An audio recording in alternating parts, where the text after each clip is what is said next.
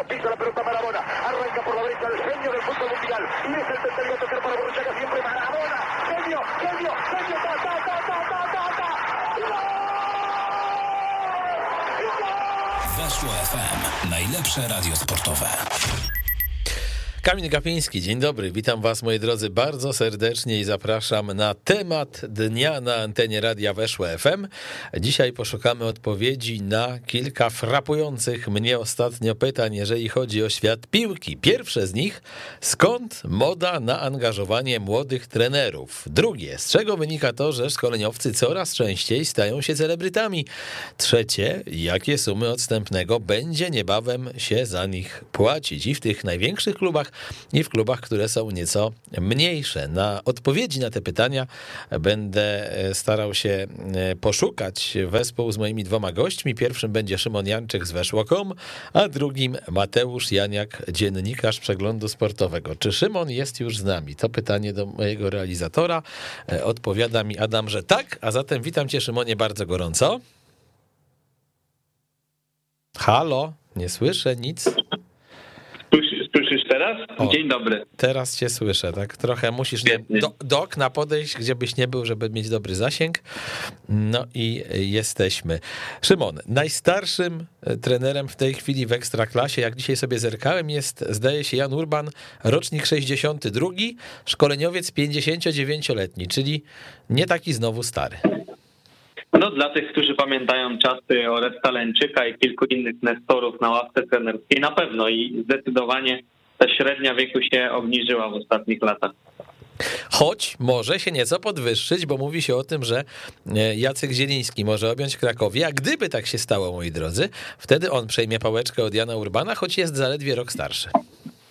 I co ciekawe, ostatnio Jacek Zieliński mówił mi w rozmowie z Weszło, że właśnie w Polsce nie docenia się doświadczenia i często skazuje się troszkę starszych trenerów e, na odejście w niepamięć, na to, że oni już nie nadążają za nowymi trendami, mimo że sam trener Zieliński e, podkreślał, że on czerpie też z mł- z młodych e, szkoleniowców, on im kibicuje, wzoruje się na nich, no też e, spod jego ręki w pewnym sensie wyszedł e, trener lidera drugiej ligi obecnej, czyli Daniel Myśliwiec, który był jego asystentem w Austrii Gdynia, a teraz no, sam już powoli pewnie też zmierza do ekstraklasy, bo te wyniki w niższych ligach ostatnio są mocną putką dla ekstraklasowych klubów. Mhm. A ty się z tym zgadzasz, czy myślisz, że to jest po prostu, nie jest takie zero-jedynkowe, że wiesz, że każda jakby historia jest oddzielna i nie ma co kategoryzować? Jak ty na to patrzysz? Znaczy na pewno każda historia jest oddzielna, bo też nie każdy doświadczony czy troszkę starszy trener faktycznie nadąża nad tymi nowinkami i, i nad po prostu tym, co się obecnie dzieje w świecie piłki. Nie każdy jest na tyle otwarty, nie każdy chce się dostosować też swoim stylem gry. Natomiast na pewno jest kilku takich trenerów, którzy e, właśnie jak Jacek Zieliński trochę wypadli z obiegu, a nie wiem czy e, słusznie, no bo przecież Jacek Zieliński uchodził przez lata za bardzo solidnego trenera i też te jego ostatnie przygody, mimo że e, został zwolniony z Arki Gdynia, no to nie mówiliśmy po nich, że ta Arka nie nadawała się do niczego, a trener Zieliński powinien już się udać na emeryturę, tylko wręcz przeciwnie, chwaliliśmy za to, jak tę Arkę wyciągnął, więc troszkę tak faktycznie było, że w Polsce była moda na to, żeby stawiać na młodzież i myślę, że nadal jest, ale z tego powodu troszkę wypadli z obiegu bardziej doświadczeni trenerzy. Nawet w pierwszej lidze ostatni powrót Ryszarda Tarasiewicza był takim symbolem, no bo też zdawało się, że już pierwszoligowcy sięgają po tych nowych trenerów z nowszej półki, typu Janusz Niedźwiedź, choćby w Widzewie ostatnio, e, no niedawno w pierwszej lidze pracował Krzysztof Bredę, pewnie tych nazwisk mógłbym jeszcze wiele wymienić, E, a tutaj Ryszard Tarasiewicz i Jacek Zieliński mm, powoli pokazują, że i ta starsza szkoła nie powiedziała ostatniego słowa. Mhm.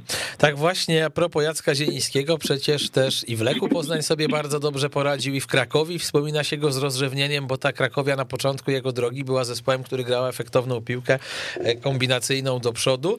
E, Twoim zdaniem to jest tak, że e, za tymi młodymi rzeczywiście stoją umiejętności, czy częściej to jest właśnie trochę na tej zasadzie, nie wiem, że Julian Nagelsmann i jego historia w Bundeslidze napędziła, brzydko mówiąc, taką modę na młodych trenerów i teraz jak się patrzy, że jest jakiś tam 32, 3, 4, 8, 9 latek nieźle radzący sobie w niższych ligach, to od razu się mówi, o to może być wielki talent trenerski, dawaj go do nas, zobaczymy jak on sobie podziała. Jak ty na to patrzysz? Bywają różne historie, bo bywają historie trenerów, którzy się wybili przez pracę w na przykład rezerwach klubowych. Ostatnio e, Wojciech Łobodziński taką historię e, pisze cały czas w Miedzi Legnica i też pokazuje, że mimo młodego wieku potrafi sobie poradzić, bo to jest jego pierwsza praca w ogóle na szczeblu centralnym. Miedź Legnica, on się wybił bezpośrednio z rezerw, no i tam Miedź póki co jest na kursie do ekstraklasy.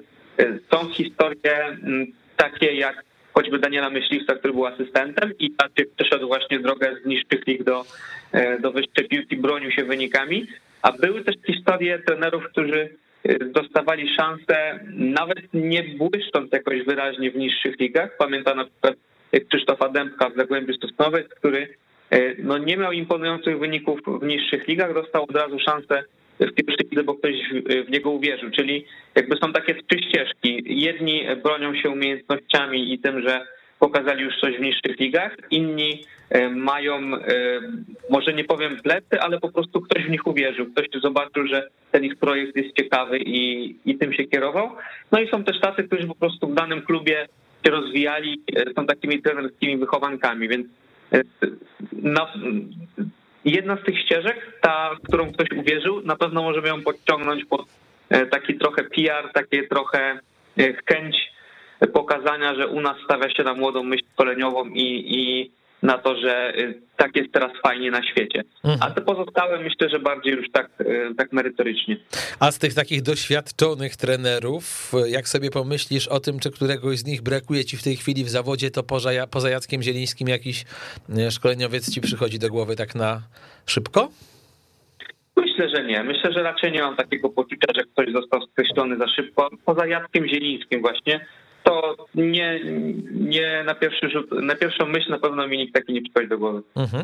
E, ty interesujesz się włoską piłką, jesteś wielkim fanem Serie A, no i tam jak spojrzymy na trenerów, e, mam wrażenie, że e, nie brakuje też odwagi, no bo Gasperini nie jest młodzieniaszkiem. Jeżeli chodzi, zostając we Włoszech w sensie kraju, ale wychodząc z Włoch, do La Ligi, Carlo Ancelotti to też jest gość już z szóstką z przodu. Gasperini to samo. To też nie jest tak, że się boją mocne kluby na tych starszych szkoleniowców E, no nie, ostatnio akurat też rozmawiałem z jednym trenerem e, z Włoch i rozmawialiśmy też o tym, jak dostać się do tych najwyższych lig, jak się przebić przez ścieżkę włoskiego szkolenia. I on też mi wspominał, że to nie jest takie łatwe zadanie, że we Włoszech najłatwiej masz, jeśli masz nazwisko, czyli grałeś w piłkę. E, taki. Jeśli grałeś w piłkę i idziesz na kurs trenerski, no to później bardzo często dostajesz pracę od razu w najwyższej lidze. I to są przypadki choćby mistrzów świata, typu Fabio Grosso, e, który bardzo szybko dostał pracę w Serie A. Mieliśmy Tiago Motte, który też e, niezbyt dobrze sobie radził, ale dostał pracę w Serie A i, dość, i trochę się na tym stołku przebujał, że tak to nazwę. E, I właśnie często jest tak, że jeśli, e, że były piłkarz dostaje od razu pracę To też Andrea Pirlo, taki chyba najbardziej znany przykład z ostatnich e, miesięcy we Włoszech, tak, prawda? Tak, chociaż, chociaż to jest przykład dość już taki ekstremalny, bo w ogóle było tak, że Andrea Pirlo jeszcze nie skończył tego swojego kursu trenerskiego, miał zostać trenerem rezerw Juventusu, a został wciągnięty nagle na, na pracę z, do pracy z jedynką, ale są też przykłady takich młodszych trenerów, typu na przykład Dionizji, który jest teraz szkoleniowcem Sassuolo, on raczej E, podróżował przez takie niższe ligi. Roberto De Zerbi jest też takim przykładem, obecnie trener Ata, e, Szachtaru Donieck, który wybił się w trzecioligowej Fodzi, był takim trenerem młodego pokolenia odważnym. Myślę, że można go porównać e, po prostu całą ścieżkę kariery. Nie chodzi mi o metodologię, właśnie do Dawida Szulczka na przykład, który... A właśnie też... tutaj o to się chciałem mhm. zapytać, czy ty sobie we Włoszech jest taki e, Dawid Szulczek, czy Julian Nagelsmann, e, czyli trener koło trzydziestki, który nie był, wiesz, wybitnym piłkarzem i nie został, nie wiem, po prostu wrzucony na głęboką wodę dlatego, bo ma nazwisko, tylko taką pracą u podstaw sobie na to zapracował gdzieś w tych klubach z Serie A, czy, czy niekoniecznie? Czy w ogóle taka droga jest akurat we Włoszech twoim zdaniem w ogóle niemożliwa właśnie e, po tym, co mówiłeś do, do, do przejścia? Tak, tak. Mój rozmówca tak e, twierdził, e, że, że to jest niemożliwe, żeby trener, na przykład młody 30-paroletni, który nie ma nazwiska, od razu się wybił do, do Serie A. Roberto De Zerbi jest trochę takim przykładem, że dla młodych szkoleniowców nie jest brama zamknięta, natomiast ja nie pamiętam, ile miał konkretnie lat, kiedy dostał szansę w Serie A. To też nie było tak, że on był na przykład 30-latkiem i od razu skoczył do Sassuolo, tylko też e, on najpierw się, tak jak mówiłem, wybił w tej Fodzi, w tej trzeciej lidze, zwrócił na siebie uwagę taką bardzo odważną grą, takim naprawdę się czymś wyróżniał. To nie było tak, że e, było pięciu trenerów, którzy grali podobnie i, i odważnie i tak dalej. On był takim jednym takim rodzynkiem, diamentem, który faktycznie błyszczał i z tego powodu go podciągnięto wyżej. 39 miał jak poszedł do Sassuolo, no czyli jednak już bliżej 40. Nie był to Dawid Szulczek tak, ani tak. Nagelsmann, prawda? Dekadę później no mniej tak. więcej. Dokładnie. Y, no ale też y, często jest tak, że na przykład młodzi trenerzy, y, którzy we Włoszech się wyróżniają, awansują na przykład z Serie B do Serie A i wtedy dostają szansę w tej najwyższej lidze. Natomiast to też nie są jakieś liczne przypadki i często też się kończy tak, że w tej serii bardzo szybko się zatrudnia strażaka, który już musi ratować e, drużynę, mhm. bardziej doświadczonego. A powiedz, jak patrzysz właśnie na Dawida Szulczka, czyli 31-latka, który objął wartę, to ty uważasz, że on będzie mieć trudno z piłkarzami, nie wiem, pokroju Trałki, Kupczaka i tak dalej, bo, bo to jest dla nich dzieciak od Łukasza Trałki kilka lat w ogóle młodszy, czy wręcz przeciwnie, na przykład sądzisz, że to jest tylko i wyłącznie kwestia merytoryki, że jeżeli jeżeli oni wejdą do szatni, zobaczą pierwsze 2, 3, 4 tygodnie, że facet rzeczywiście jest zakochany w piłce i e, zna się na niej, wie co zrobić, żeby ten klub poprawić, to jakby brak jego przyszłości, przeszłości piłkarskiej i, i w sumie zupełnie nieznane nazwisko, tak dla szerszego grona odbiorców nie będzie żadnym problemem. Myślę, że mądrzy piłkarze, a za takich uważam i Łukasza Trałkę i Mateusza Kupczaka, na pewno spojrzą na niego pod kątem tego, co on potrafi, a nie pod kątem wieku. Ale wiadomo, że e, w każdej szatni, mając dwudziestu paru zawodników, zawsze pewnie znajdzie się kilku takich, którzy na, na wstępie będą wątpić w to, czy e, taki młody gość bez doświadczenia będzie w stanie ich czegoś nauczyć. No to jest oczywiste, bo, bo jest duża grupa, jest wiele po prostu charakterów i wiele podejść. Mhm. I zawsze ci młodsi trenerzy tak mają. No choćby Marek Gołębieski teraz z Legii Warszawa mogę tylko przypuszczać, ale jest to raczej pewne, że pewnie też część zawodników, jak zobaczyła, że obejmie trener rezerw, który do tej, moment, który do tej pory pracował maksymalnie w drugiej lidze, no to pomyślało sobie, nie no, z jakimi ja ludźmi pracowałem, a, a z kim mam pracować teraz. Mhm. A powiedz, y, ty sobie potrafisz wyobrazić y, we współczesnej piłce na tym najwyższym poziomie, nie wiem, taką historię jak y, z Red Bullem Salzburg sprzed lat, kiedy ten klub objął 67-letni, jak dobrze policzyłem, Giovanni Trapattoni, że gdzieś w jakimś klubie właśnie z aspiracjami, to oczywiście nie musi być, nie wiem, Manchester United czy, czy Chelsea, tylko mówię o takich klubach nawet no, na poziomie rozpoznawalności Red Bulla, że, że trener przed 70 dostanie szansę, żeby jakiś projekt robić, czy, czy wydaje ci się, że to już to Senewrati i te czasy e, raczej odeszły do przeszłości? To musiałoby być chyba bardzo duże nazwisko. Taki gość, który osiągnął mnóstwo e, w piłce i, i cały czas pozostawał gdzieś w obiegu, a nie był już wyrzucony na margines. Ale myślę, że to już raczej się nie wydarzy, a jeśli się wydarzy, to będzie to naprawdę sporadyczny przypadek, bo ci bardziej doświadczeni trenerzy chyba też Mm, mogą być rozpatrywani może bardziej w kontekście selekcjonerów reprezentacji, e, bo to jest raczej praca dla takich e, no już bardziej doświadczonych trenerów, takich, którzy już w piłce e, niekoniecznie byli na tym topie. Mm, a tutaj no, no nie widzę na to teraz miejsca, bo też kwestia tego, jak zmienia się futbol. Oczywiście można mówić, że ci doświadczeni trenerzy niekoniecznie muszą nie być na czasie ze wszystkimi nowinkami, E, no ale jednak w jakimś stopniu wypadają z tego obiegu, w jakimś stopniu też są e, przywiązani do tych swoich metod, w których oni się e, wychowali. Mieliśmy niedawno, no niedawno, nie w dużym klubie, ale w mniejszym też przypadki powrotu z Denka Zemana, no i też nie zawsze kończyło się to dobrze, nie zawsze okazywało się, że nawet w roli ratownika człowiek, który jest ikoną włoskiej piłki radził sobie dobrze. No ale Jupp Heynckes przyszedł i pokazał, że stary człowiek potrafi, nie? No to jest na pewno taki przypadek, do którego lubią niektórzy eksperci wracać i poływać się na Bayern Jupa Heinkesa. Mhm.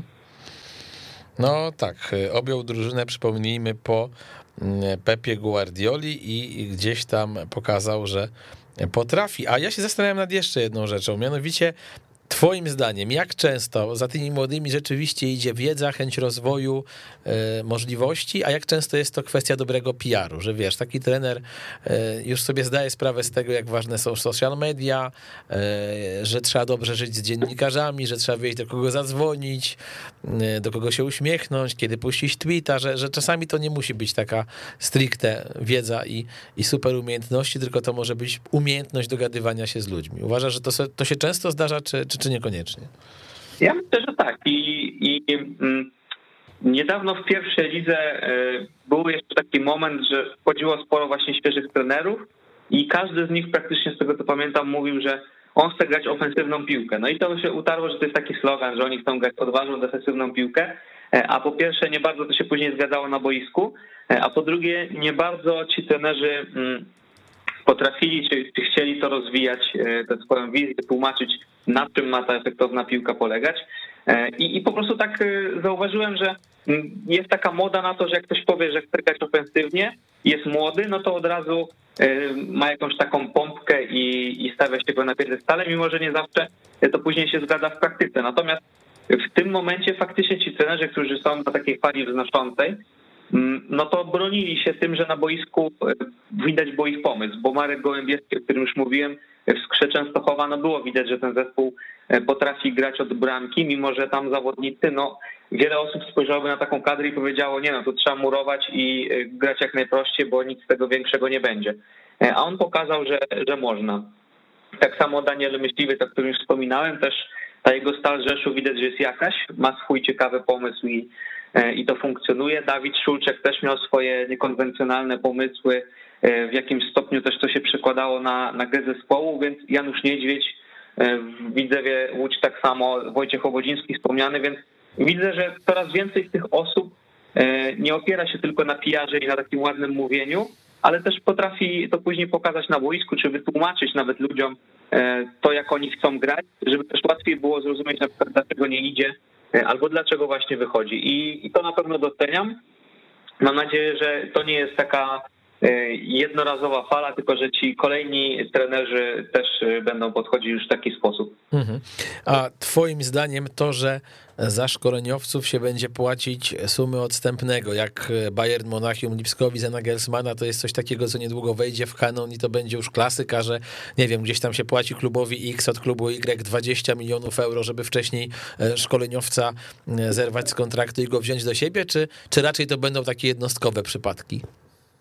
Ja myślę, że powinno się płacić. E, może nie za każdym razem jakieś porendalne sumy, ale to jednak jest tak, jak E, często jest tak z trenerami jak z piłkarzami, że klub potrafi wypromować, w pewnym sensie wychować, no na pewno wypromować danego trenera, że dzięki temu, jak ta drużyna grała, to też nie jest przypadek, bo trener promuje zawodników, promuje zespół, ale też klub może wypromować e, trenera, choćby tym, że pozwoli mu pracować, nie, nie wiem, przez 4-5 lat, mimo że w tym momencie były kryzysy i, i dlaczego taki klub miałby nie dostać później za to jakichś pieniędzy, tak jak dostaje za piłkarza, który przez 5 lat w akademii się szkoli i później zalicza fantastyczny sezon w drużynie seniorów. Myślę, że coraz częściej to będzie się zdarzało mm, i coraz częściej też jest, jest już praktyką, że kluby się w jakiś sposób zabezpieczają. Na przykład e, z tego co pamiętam, e, Dariusz Banasik ma nawet w swojej umowie klauzulę odstępnego, czy po prostu jakieś tam zabezpieczenie na wypadek, gdyby ktoś chciał go wyjąć. No bo też wiadomo, widzieli, jak w pewnym momencie, to było chyba mniej więcej w okresie Artura Skowronka, który był E, popularnym trenerem i którego do stali miast odzywały się kolejne kluby z ekstraklasy, które chciałyby Artura Skowronka wyciągnąć. No i Adam jakoś wtedy przedłużał kontakt z trenerem Banasikiem i stwierdził, że no nie no, to jak teraz jest tak, że kluby już dzwonią po trenerach z pierwszej ligi i chcą ich wyciągać, a nam tak dobrze idzie, no to zaraz zadzwonią tego Darka i nam go zabiorą, więc A wiesz, sobie... jaka to jest klauzula? Domyślam się, że trochę niższa niż Nagelsmana, ale mniej więcej ja, ile to może być? Niższa, ale na pewno też taka, która sprawi, że y, trener po prostu nie odejdzie od razu. Bo wiadomo, że to są później, później y, kwoty, które można negocjować w jakimś stopniu. Natomiast no, też wiadomo, że y, w Polsce jeszcze nie, nie mamy na tyle rozwiniętego tego rynku trenerskiego, że jak ktoś na przykład widzi klauzulę 500 tysięcy czy milion za trenera, no to od razu wchodzi w to i, i, po prostu jest pozamiatane. Więc po prostu tak może to są na razie straszaki, ale fajnie, że kluby się w ten sposób zabezpieczają i myślą też tym, żeby coś na trenerach ugrać. Mhm. E Szkoleniowcy się stają coraz bardziej celebrytami. Twoim zdaniem to jest kwestia social mediów i tej dostępności, tego skrócenia kontaktu do e, ludzi, choćby nie wiem, jak patrzymy na to, jak sobie żyje Dolce Vita w Rzymie, Jose Mourinho i, i tam gdzieś ciągle instagramuje. Wcześniej zresztą robił to też w Tottenhamie, czy, czy wynika to z czego innego? No bo kiedyś mm, też przecież nie brakowało osobowości trenerskich, prawda? W latach 90. na przełomie wieków, nie wiem, Lippi, Capello, e, choćby wspomniany przeze mnie wcześniej Trapatoni, który kiedyś dał taką konferencję prasową po jednym z meczów Bayernu, że do dzisiaj ludzie ją oglądają. No ale wtedy wiadomo też, że takiego kontaktu bezpośredniego było trochę mniej e, z kibicami. Na pewno jest tak, że ci trenerzy z tego absolutnego topu e, stwierdzili, że w sumie oni też mają teraz szansę jak piłkarze dzięki tym social mediom. I też trochę na tym ugrywać, czy do kontraktów reklamowych, czy po prostu swojego wizerunku, który e, no nie ma co ukrywać, jest bardzo ważny. Natomiast jeśli chodzi o polskich trenerów, to wydaje mi się, że te social media są często taką e, furtką do promocji właśnie. E, mówiliśmy o tych młodych trenerach i o tym, jak oni się wybijają. To często jest tak, że e, no ogółem trochę społeczeństwo piłkarskie się w Polsce zmienia i odnoszę wrażenie, że często ludzie chcą bardziej rozmawiać o piłce albo po prostu kładą nacisk na to, żeby mówić o piłce ciekawie, a nie takimi frazesami. E, I właśnie ta młoda fala polskich trenerów często potrafi to wykorzystać i za pośrednictwem swoich social mediów pokazać jakieś akcje, jakieś schematy, jakieś koncepty, jakieś swoje pomysły, e, które dzięki temu stają się trochę wiralem, no i napędzają popularność wokół tego nazwiska. Także na pewno e, te social media i ich rozwój miały ogromny wpływ na to, że trenerzy chcą z nich korzystać i w pewien sposób czy czerpać korzyści jakieś finansowe poprzez znajdowanie sponsorów, czy też wizerunkowe poprzez to, że ich nazwisko staje się głośniejsze. Okej, okay. Szymon Janczyk, dziękuję Ci bardzo serdecznie. Również dziękuję. Pozdrawiamy. Nasz kolega redakcyjny, dziennikarz Weszło.com. To już teraz dzwonimy do drugiego gościa, do Mateusza Janiaka e, z przeglądu sportowego i też sobie porozmawiamy na ten właśnie temat, o młodych trenerach, o trendach, o tym, jak oni się rozwijają i czy ci starzy rzeczywiście są tacy źli, czy jeszcze coś z nich będzie. Daj mi Adamie znać, jak uda ci się dodzwonić do naszego gościa i będziemy sobie na ten temat jeszcze przez pewnie dwadzieścia kilka minut rozmawiać w dzisiejszym temacie dnia Radia Weszło FM. Jest już z nami Mateusz Janiak, witam cię serdecznie. Cześć. Mateusz, ja zadałem takie pytanie Szymonowi i parę z tych pytań, które zadawałem, chcę też zadać tobie.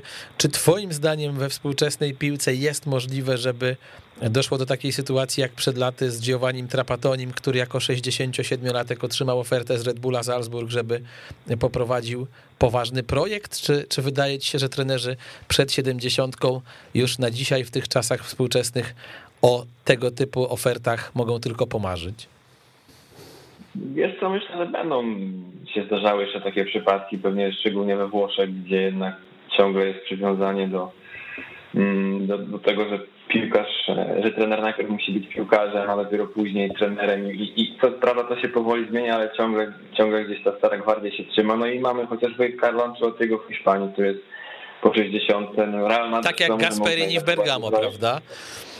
Tak, tak, tak. Na przykład Gasperini. No myślę, że będą takie, takie sytuacje, aczkolwiek e, chyba trend jest e, jednak w inną stronę, żeby, żeby stawiać na, na, ciut, na ciut młodszych, że, że to już jest jednak świat się zmienił i, i, i zmieniło się też postrzeganie szkoleniowców. Mhm. Ale jak rozmawialiśmy z Szymonem Janczykiem, który też się włoską piłką bardzo interesuje, to mówił, że raczej taka historia jak Nagelsmana czy Dawida Szulczka, żeby koło 30 trafić na najwyższą klasę rozgrywkową w Serie A, e, do Serie A, to jest raczej we Włoszech nie, niemożliwa.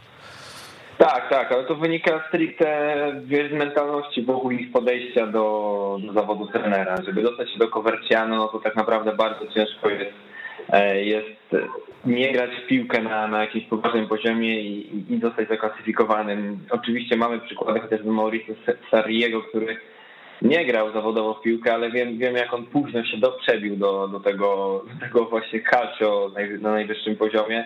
Włosi są bardzo nieufni, mimo tego, że przecież Arrigo Sacchi, a więc jeden z najwybitniejszych trenerów, który stworzył wspaniały Milan pod koniec lat 80., e, nie był nie był zawodowym piłkarzem i, i zresztą też powtarzał bodajże, żeby być dobrym jokejem, to nie trzeba być koniem, coś takiego, jeśli, jeśli, jeśli przykryciłem jego, jego powiedzenia, no ale Włochy są na pewno e, pod względem ewenementem i skrajnością tę drugą stronę, chociaż też e, przykład Nagelsmana chyba powoli działa im na wyobraźnię i być może troszeczkę szerzej otworzą drzwi do Coverciano, tej szkoły trenerów, żeby nie tylko byli piłkarze jak Pirlo czy Mosta, więc ostatni, ostatnie produkty tej, tej elitarnej szkoły seria, tylko oni dostawali tam szansę, ale też, ale też tacy goście no, jak Nagelsmann, czyli, czyli e, bez, bez tego szlifu, no bo no faktycznie niekoniecznie trzeba być piłkarzem, a czasami to nawet przeszkadza.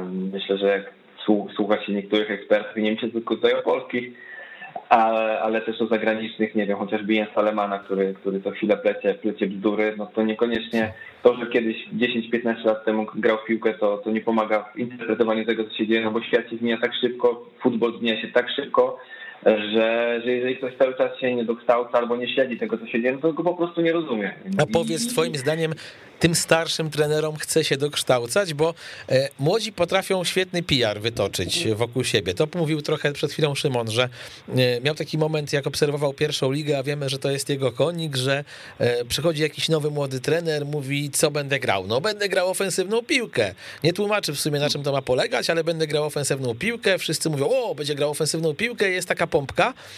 I teraz jakby Szymon uważa, że czasami za tymi słowami nie idzie tak naprawdę plan, co zrobić, żeby tę ofensywną piłkę grać.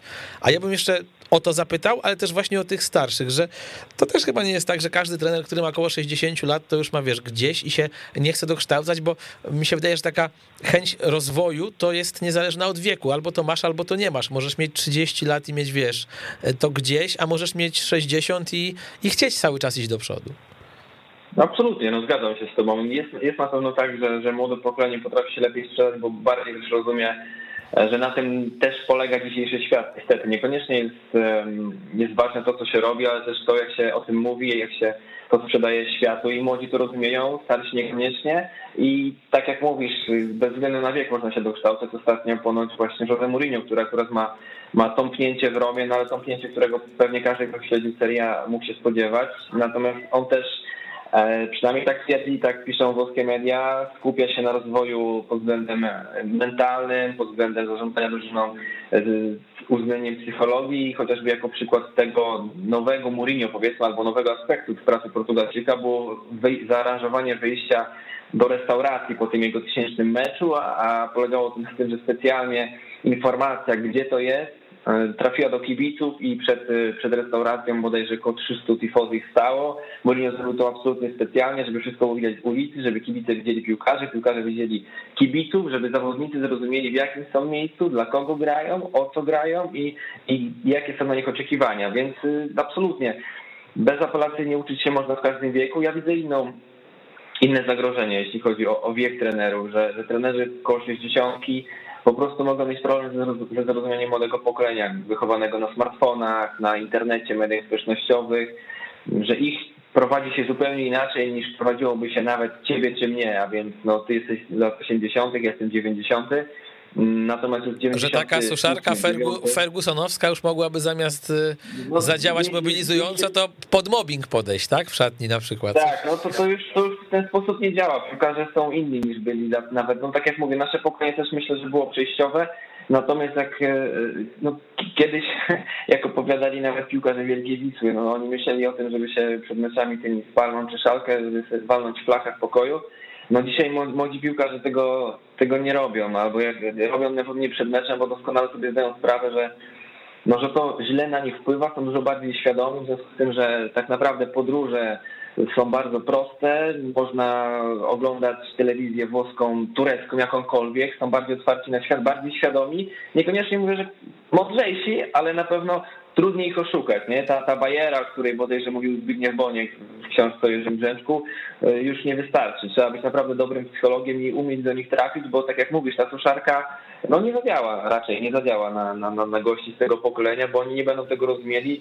Metoda kija i marchewki niekoniecznie zadziała, bo, bo oni po prostu się nie będą, nie będą się bali. No, no ale z drugiej strony, wiesz, są też ludzie, którzy koło 60, którzy te social media, a co za tym idzie, można by rzec, że tych młodych czują. Nie szukając daleko wspomniany przez ciebie Boniek, ja wiem, że czasami ma straszne strzały na Twitterze takie, że robisz aj, aj, aj, aj, aj ale też często potrafi tak wrzucić do pieca, jakby czuje, można wiele o Zbigniewie Bońku mówić, ale czuje social media, wie co zrobić, żeby wokół tak jego posta było głośno, prawda, na Twitterze. Ale tak samo, tak samo Jose Mourinho. No właśnie, dokładnie. Też prowadzi konto na Instagramie, ja nie twierdzę, że że, że to jest y, przeszkoda nie do przeskoczenia, natomiast y, uważam, że to jest zagrożenie i z tego jak się rozmawia, jak, jak się rozmawia z piłkarzami, no to czasem widać ten brak zrozumienia i brak, no chociażby przykładem pozytywnym na to, że można się nauczyć, jak on jest jeszcze dużo, dużo młodszy, no to jest Maciej Skorża, który z Pogoni Szczecin myślał, że będzie prowadził zawodników w określony sposób, który sprawdzał się lata wcześniej, ale to już, już była ekipa złożona z innych ludzi, z innego pokolenia, do których to nie do końca trafiało. On się tego nauczył, wyciągnął wnioski. Widzimy, że Lech gra w zupełnie inny sposób. Oczywiście, tak jak mówię, skoro jest dużo przed 60, natomiast chodzi o mnie o wyciągnięcie wniosków i, i, i tak jak mówisz, Mourinho i Boniek są pozytywnymi przykładami, że można gdzieś dogonić ten świat. Natomiast jak się rozmawia z zawodnikami, no to nie, nie zawsze to, to, to idzie w tę stronę. No myślę, że to jest też najtrudniejsze, bo nie wiem jak ty się czujesz na, na tym świecie, bo ja czasami e, łapię się na tym, że mimo, że mam 31 lat, no to, no to już nie kumam do końca, czym się interesują 18-latki, 16-latkowie, 20-latkowie e, i, i, i, czasem nie rozumiem, co, co do mnie mówią, więc mogę się spodziewać, że jak ktoś ma lat 55, 60, 65, no to będzie mu pewnie jeszcze trudniej, bo ten świat przyspieszył. Mam wrażenie, że 30, 31-latek 20 lat temu była między nim a 20-latkiem mniejsza różnica niż jest teraz. Też wiesz, pytanie, czy idziemy... jednak nie dojdziemy kiedyś do ściany, no bo moim zdaniem ludzie genetycznie, już tak zostawiając na chwilę piłkę, też nie są przystosowani mm. do liczby informacji, jaką my e, przyswajamy codziennie do tego tempa. No w pewnym momencie trzeba też będzie powiedzieć stop, bo po prostu będzie można oszaleć moim zdaniem, nie? To też wiesz. No absolutnie, no my, my w ogóle żyjemy w trochę takim, wiesz, no, eksperymentalnym świecie, bo, bo pewnie jest taka świetna książka, którą polecam, Wyloguj swój mózg, w której jest e, bardzo dużo o tym, o czym ty mówisz, że nasz mózg nie jest przystosowany do tych do tej liczby informacji, do liczby bodźców, które na nas spadają, że tak naprawdę nasz mózg ewoluuje bardzo wolno i on w tym momencie cały czas jest gdzieś tam mm, na przełomie e, naszej ery i poprzedniej ery. Dlatego na przykład jak idziemy na sprawdzian, no to czujemy się, albo czuliśmy, no bo my już nie chodzimy na sprawdziany, ani ani ty, e, ale jak byliśmy na studiach, czy w liceum, czy w gimnazjum, też już nie ma gimnazjów, ale w szkole, jak szliśmy na sprawdzian, to się czuło, że to jest o, koniec świata, nie? że o Jezu, nie znam, co się będzie, bo nas, nas, nasz mózg cały czas rozpatruje wszystko zero-jedynkowo, że jak jest zagrożenie, to znaczy, że jest zagrożenie naszego życia. On tego nie, nie rozumie i tak naprawdę nie wiemy, e, jak na to pokolenie, które teraz dorasta, bo my dostaliśmy internet w trakcie a oni się urodzili de facto ze smartfonami w ręku i nie wiemy, jak, jakie te dzieciaki będą tak naprawdę właśnie, jak będą miały lat 31 i, i, i to jest trochę, zostawiając piłkę, w ogóle wielki eksperyment, bo zobaczymy dopiero za lat 15, jak dzisiejsi dziesięciolatkowie, którzy, którzy nie tak jak my ganiają za piłką po podwórku, tylko siedzą ze smartfonem w ręku, co się z, z ich mózgami dzieje i to też pewnie będzie wyzwanie w piłce do, do jakiegoś okiełznania tego, tej, tej, tej sytuacji, ale generalnie też społecznie. Już trochę odbiegliśmy od, od, od trenerów, ale ale myślę, że to będzie jednak powiązanie, no bo piłka jest i zawsze była odbiciem społeczeństwa. Nieprzypadkowo w Holandii była rewolucja, gdzie akurat było, był, był, że tak powiem, duch buntu. Mówię tutaj o, o Jaksie Rinsa Michelsa, czy na przykład nieprzypadkowo Walery Łobanowski stworzył wielki Dynamo Kijów, kiedy Kijów był stolicą cyfrową e, ZSRR i, i tam bardzo stawiano na naukę, to jest naukę zaprząg do, do trenowania zawodników. No i tak samo przez, przez wszystkie kolejne lata to wyglądało, więc myślę, że to też się przełoży na piłkę. Mhm. A powiedz mi taką rzecz, bo mm, patrzymy sobie na szkoleniowców polskich i wychodzi nam na ten moment, że najstarszym w lidze jest Jan Urban, rocznik 62, czyli jeszcze nie 60-latek, choć już blisko. E, twoim zdaniem są tacy trenerzy mniej więcej będący jego rówieśnikami, być może nieco starsi, o których jednak trochę światek polskiej piłki zapomniał, stawiając na tych młodych. No, my tutaj rozmawialiśmy z Szymonem, że takim jaskrawym chyba najbardziej przykładem jest Jacek Zieliński, o którym się mówi, że, że być może wróci do piłki do Krakowi.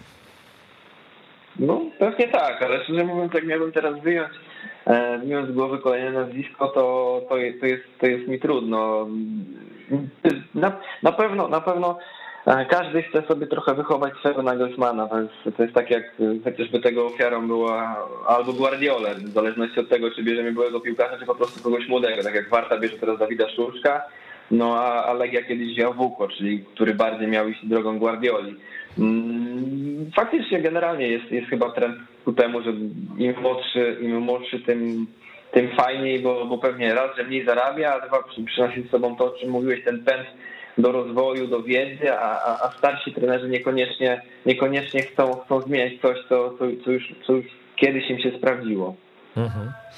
E, ty byś chciał, żeby Jacek Zieliński dostał tę szansę w Krakowie i spróbował tę drużynę na swoją modłę gdzieś e, poustawiać. No pamiętamy jego pierwszą przygodę z krakowskim klubem. Kojarzy się wielu kibicom z taką fajną, radosną piłką, której zabrakło swoją drogą u Michała Probierza, powiedziałbym batorzonego z każdej strony, bo jak się podsumuje to jego te jego kilka lat pracy w Krakowie, to, to większości ekspertów wychodzi jednak, że miał olbrzymią władzę, ale nie przekuł jej na równie spektakularne wyniki, delikatnie mówiąc.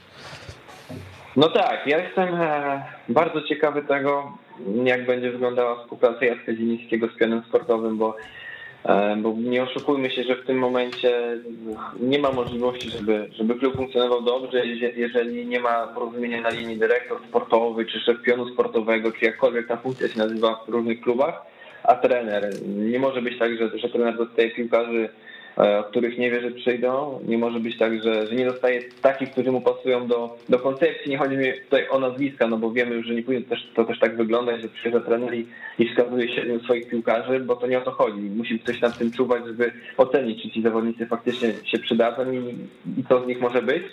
I myślę, że dużym znakiem zapytania przy Jacku Zielińskim jest właśnie to, jak będzie wyglądało budowanie kadry, no bo chyba nie mamy wątpliwości, że że drużynę Krakowi należy przebudować i to zajmie czas. I pytanie też, ile cierpliwości będzie miał właściciel klubu. No w domu Michała Probierza miał gigantyczną cierpliwość i myślę, że to ta klęska, bo chyba to słowo najbardziej pasuje do misji Michała Probierza w Krakowi, no jest, jest takim smutnym sygnałem ostrzegawczym dla, dla innych prezesów, którzy chcieliby wykazać się podobną cierpliwością, bo miał bardzo dużo władzy. No inna sprawa, że też pewnie nie miał takich środków, jakie niektóre kluby mają, no ale już wiemy też, że można wynaleźć fajnych piłkarzy niekoniecznie za, za bajerskie pieniądze, no a, a wielu tych fajnych piłkarzy Michał Probierz nie, nie znalazł, więc no, jestem bardzo ciekawy, co, co, co Jacek Zieliński zrobi, no bo on też mam wrażenie, że jest trochę, trochę niedoceniany w naszej ekstraklasie i myślę, że szczerze mówiąc, myślę, że sobie poradzi spokojnie w tej Krakowi. Natomiast pytanie też, co będziemy myśleli, że to, to uznamy za to, że sobie poradził. No, jak utrzyma, no to myślę, że już, już, już sobie poradził, bo, bo jeżeli liczymy, że nagle Krakowa będzie walczyć o podium, no to nie od razu Kraków notabene zbudowano. Mhm. A powiedz mi taką rzecz, dla ciebie najlepszy wiek trenerski we współczesnej piłce to jest tak mniej więcej 45-55 lat ten przedział, czy, czy jednak wyżej i niżej, jak na to patrzysz? Wiesz co, to zależy wszystko od tego, o kim rozmawiamy. Myślę, że trudno jest generalizować i stworzyć takie szufladki, do których mhm. podkładamy, no bo siłą rzeczy piłkarz, jeżeli na przykład zawodnik skończy karierę jako 35-latek, no to on siłą rzeczy nie będzie miał takiego doświadczenia jako trener, jak na przykład Nagelsmann, który ma 34 lata, ale ale tyle lat zebrał. Myślę, że, że nie, nie tyle wiek gra rolę, co liczba przepracowanych lat można mieć lat 50 i tak naprawdę nie znać się na, na fachu trenera, bo myślę, że to jest jeden z największych pułapek e, świata futbolu, że, że prezesi w ciemno ufają temu, że ktoś kiedyś grał w piłkę. No bo to po pierwsze to, to, to jest absurdalne, tak jak kiedyś chyba Maciek Kruk napisał specjalnie na Twitterze, że dobry kierowca autobusu po zakończeniu kariery zawodowej jako kierowca autobusu nie zostaje szefem przedsiębiorstwa autobusowego. No to nie, nie, nie w tę stronę powinno iść. Więc y, puentując, myślę, że przede wszystkim liczba przepracowanych lat i na jakim poziomie to, to wyszło. Doświadczenie jest ważniejsze od wieku. No i jeżeli ktoś zdobywa to doświadczenie jako młody gość, no to no, pewnie będzie dużo szybciej gotowy do, do, do wielkich rzeczy niż ktoś, kto, kto zaczął później. To jest mhm. no, banalna prawda. Mnie natomiast cieszy, że niektóre kluby w Polsce, no bo na świecie to już jest dosyć pewne, to już dosyć powszechne, że zrozumiały, że trener to nie jest tylko gość do wypisania protokołu, do podpisania protokołu i, i tylko to jest twarz projektu, to jest ktoś, od którego będzie wszystko zależało, i jego wizja. On jest rzeźbiarzem, który ma ulepić to, co dostaje. I, i ciągle w Polsce czasami zdarza się, że, że, że mam wrażenie, że właściciele tego nie rozumieją i a myślisz, że ten brak zrozumienia to też, nie wiem, wynikało to na przykład z tego, bo umówmy się, no 10 lat temu wydaje się, że byłoby niemożliwe, żeby gość w wieku Dawida Szulczka objął klub w ekstraklasie, że to w ogóle no, no, bez szans, a jednak się to zmieniło, czyli ta świadomość też wzrosła, że pośród myślisz właścicieli, że nie wiek, a kompetencje, wiedza, umiejętności, chęć szkolenia się i tak dalej? Myślę, że tak, ale warty bym w to nie, nie mieszał, bo dla mnie zwolnienie Piotra Tworka po tych dwóch latach, które tam przepracował, e, jest absurdalne. Mhm. I to, że wymyślili teraz Dawida Szulczka, no to dla mnie Warta nie jest, nie, nie, nie, nie zawarłby mi w tym, no bo to jest trochę tak, no gość rok temu był dobrym trenerem, rok temu był dobrym trenerem, czy on teraz nagle jest złym trenerem? Nie, no biorąc pod uwagę warunki finansowe Warty, źle skonstruowano to drużynę i tyle, no tak samo można mnożyć te przykłady. Bardziej myślę, jeśli chodzi o polskie warunki, no to Raków Częstochowa i mhm. kompetencje Marka Pawszuna, który no widzimy tam rękę. Pogoń Szczecin też jest tam, e, jest tam ewidentnie ręka Runiejsza i sam wielokrotnie byłem e, już za tym, żeby może mu podziękować, ale on koniec końców zawsze się broni i, i ma duże zaufanie, nawet jeżeli się nie zgadzają z szefowcem, to potrafią dojść do porozumienia. Piast Gliwice z Waldemarem Fornalikiem, który też ma bardzo duże zaufanie i, też wiedzą, że, to jest dobry trener, a czasami mm, wyniki nie idą, bo raz, że jest pech, czasem potrzeba czasu, żeby wkomponować zawodników i tak dalej, i tak dalej. No myślę, że Legia ciągle nie jest niestety klubem, który rozumie wagę trenera. Ciągle nie wie tego, że jak jest dobry trener, to przy nim słaby zawodnik może grać lepiej i odwrotnie. Jak jest słaby trener, to dobry zawodnik będzie grał gorzej. No i mam wrażenie, że w Legii ciągle tego nie, nie rozumieją, no bo już spójrzmy na te niedawne lata. Dan Klafuric, Romeo Jozak, Aleksander Wukowicz, teraz Marek Gołębieski. Legia chciałaby być mm, polskim Bayernem Monachium, no nie ma takiej możliwości, żeby Bayern objął ktoś, kto nie sprawdził się de facto na poziomie Bundesligi. No, a w Legii to jest dosyć nagminne, że próbują wyciągnąć kogoś z kapelusza i pokazać, że o, udało nam się. No, to jest trochę, ciągle mam wrażenie, brak docenienia roli trenera i tego, jak dużo, jak dużo jego wkład y, odbija się na wynikach. Mhm. A powiedz mi... Żeby, wiesz, też, żeby, żeby daleko nie szukać przykładu, no to spójrzmy na Włochy, których rozmawiali z Szymonem, ja też do nich nawiązywałem, i Weronę Pawła Dawidowicza, której przychodzi, który jest Eusebio Di Francesco i oni dostają trzy mecze z rzędu po głowie. Przychodzi Igor Tudor, który pasuje lepiej charakterystyką do zawodników, których ma. Ci piłkarze wiedzą, co mają robić, bo on jakby kontynuuje pracę Iwana Juricia i Verona z nim e, wygrywa z Lazio, Romą, Juventusem i zatrzymuje Napoli. No to, to też nie jest przypadek, właśnie o tym mówię, nie? że jak przychodzi dobry trener, to przy nim słabsi zawodnicy mogą grać lepiej jako kolektyw. Bo umówmy się, no Miguel Veloso, czy Adrien Tameze, czy Giovanni Simone, oni nie robią wrażenia nawet na kibicach Calcio, kibicach we Włoszech. A teraz cała liga, przynajmniej ta czołówka, bo pewnie im będzie trudniej grać z równymi sobie, ale czołówka ma prawo bać się Werony. I właśnie o tym mówię, że trener e, układa po swojemu i we Włoszech już to zrozumiano, że, że trener jest ważniejszy. Fajnie jakby w Polsce też po prostu zrozumiano to. Powiedz mi jeszcze taką rzecz, bo mm, twoim zdaniem takie historie jak RB Lipsk, Bayern Monachium i Nagelsmann, gdzie za trenera płaci się pieniądze i to nie małe, żeby zmienił klub, staną się, nie wiem, e, w najbliższych pięciu latach czymś naturalnym i to będzie już tak po prostu wyglądać, czy, czy jednak takich strzałów będziesz się e, spodziewał tylko i wyłącznie na tym najwyższym poziomie, kiedy, nie wiem, Real Madryd będzie chciał zabrać trenera Manchesterowi United, choć nie sądzę, żeby chcieli Solskiera, ale wiesz, co mi chodzi, jakby, jaki, jak, jak, do, do do czego dążę, nie? Tak, jasne. Wiesz co, myślę, że to się będzie stawało coraz bardziej nagminne. E, no już w Polsce już się wydarzyło w jakimś sensie, no bo Lechia musiała zapłacić klauzulę odstępnego za Tomasza Kaczmarka. Ja nie wiem jaka to była, jakie to były pieniądze, ale wiem, że, że Lechia musiała zapłacić za, to, aby Kaczmarek szybciej mógł odejść z pogoni i myślę, że, że coraz więcej klubów będzie się w ten sposób asekurowało, bo mm, nie wiem na ile w Polsce, ale w światowym futbolu, no bo wiadomo gdzieś, że, że, że ci trenerzy tak naprawdę są już ważniejsi od piłkarzy, no, bo, bo, bo trener e, ustala, widzimy co się stało z Napoli, ze Spallettiego, co było z Napoli, tak naprawdę personalnie nie ma, niemal tak jest takim samym, tylko Zamba Anglisa doszedł, co się stało, co było za Gattuso, a co się stało ze Spallettiego, co zrobił Stefano Pioli z Milanem, a co e, robił wcześniej Gianpaolo czy Gattuso. Już w światowym futbolu wszyscy zaczynają rozumieć, że, że trener jest najważniejszy, że to jak on wymyśli, jak poukłada, jaką ma wizję gry, jaki dostanie piłkarzy, czy dostanie odpowiednik do swojego, do swojego grania, a nie trochę przypadkowych. Gramy, nie wiem, 3-5-2 i ja nagle dostaję prawego gościa, na prawego obrońcę, który w życiu nie grał jako wahadłowy i nie potrafi atakować, na ten przykład, nie? Albo, albo gramy 4-4-2, ja dostaję znowu wahadłowego, który nie umie bronić. Mm, to wszystko musi zgra się zgrać, ale, ale według mnie będzie coraz częściej tak, że kluby będą się E, asekurowały takimi tymi klauzulami odstępnego, no bo, bo, bo rola trenera staje się po prostu kluczowa. Już to myślę, że dla mnie, dla mnie to jest na przykład ciekawsze e, oglądanie pewnych, pewnych meczów ze względu na to, kto prowadzi jakieś zespoły, bo, bo wiem mniej więcej jak oni zagrają, albo też jak co wymyślą, żeby najbliższy mi przykład, no to Włochy cały czas, ale jak grała Atalanta z z Milanem, no to bardzo ciekawe było, jak się poruszali e, boczni obrońcy Milanu. Hernandez zawsze gra wysoko, ale Calabria w tym spotkaniu tak naprawdę występował czasami jako środkowy napastnik, wykorzystując to, że, że Atalanta tak naprawdę kryje jeden na jednego i mieli problem z tym zbyt elastycznym atakiem pozycyjnym Milanu, no i też Calabria w ten sposób strzelił gola.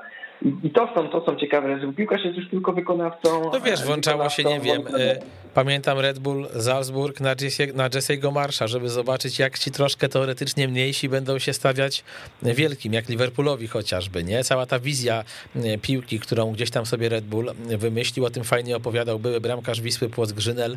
Pamiętam chyba zresztą w wywiadzie Łukasza Olkowicza e, z, u was w przeglądzie sportowym, jak oni ich uczyli tego, jak szybko należy piłkę odzyskiwać po, po stracie i tak dalej. To są bardzo fajne rzeczy. Nam dzisiaj pewnie nie starszy czasu, żeby to wszystko omówić. Natomiast ja się jeszcze zastanawiam, czy mm, myślisz, że taki, e, taka sytuacja, jaką mamy na krajowym podwórku u nas w Podbeskidziu, czyli dwóch trenerów, Piotr Jawny i Marcin Dymkowski, którzy sami podkreślają, że prowadzą zespół na tych samych prawach, że to nie jest trener asystent, tylko dwóch równorzędnych trenerów, że będzie to gdzieś szło w taką stronę, że będą specjalizacje, że będziemy mieli za jakiś czas w tych dużych klubach trenera od ofensywy, trenera od defensywy.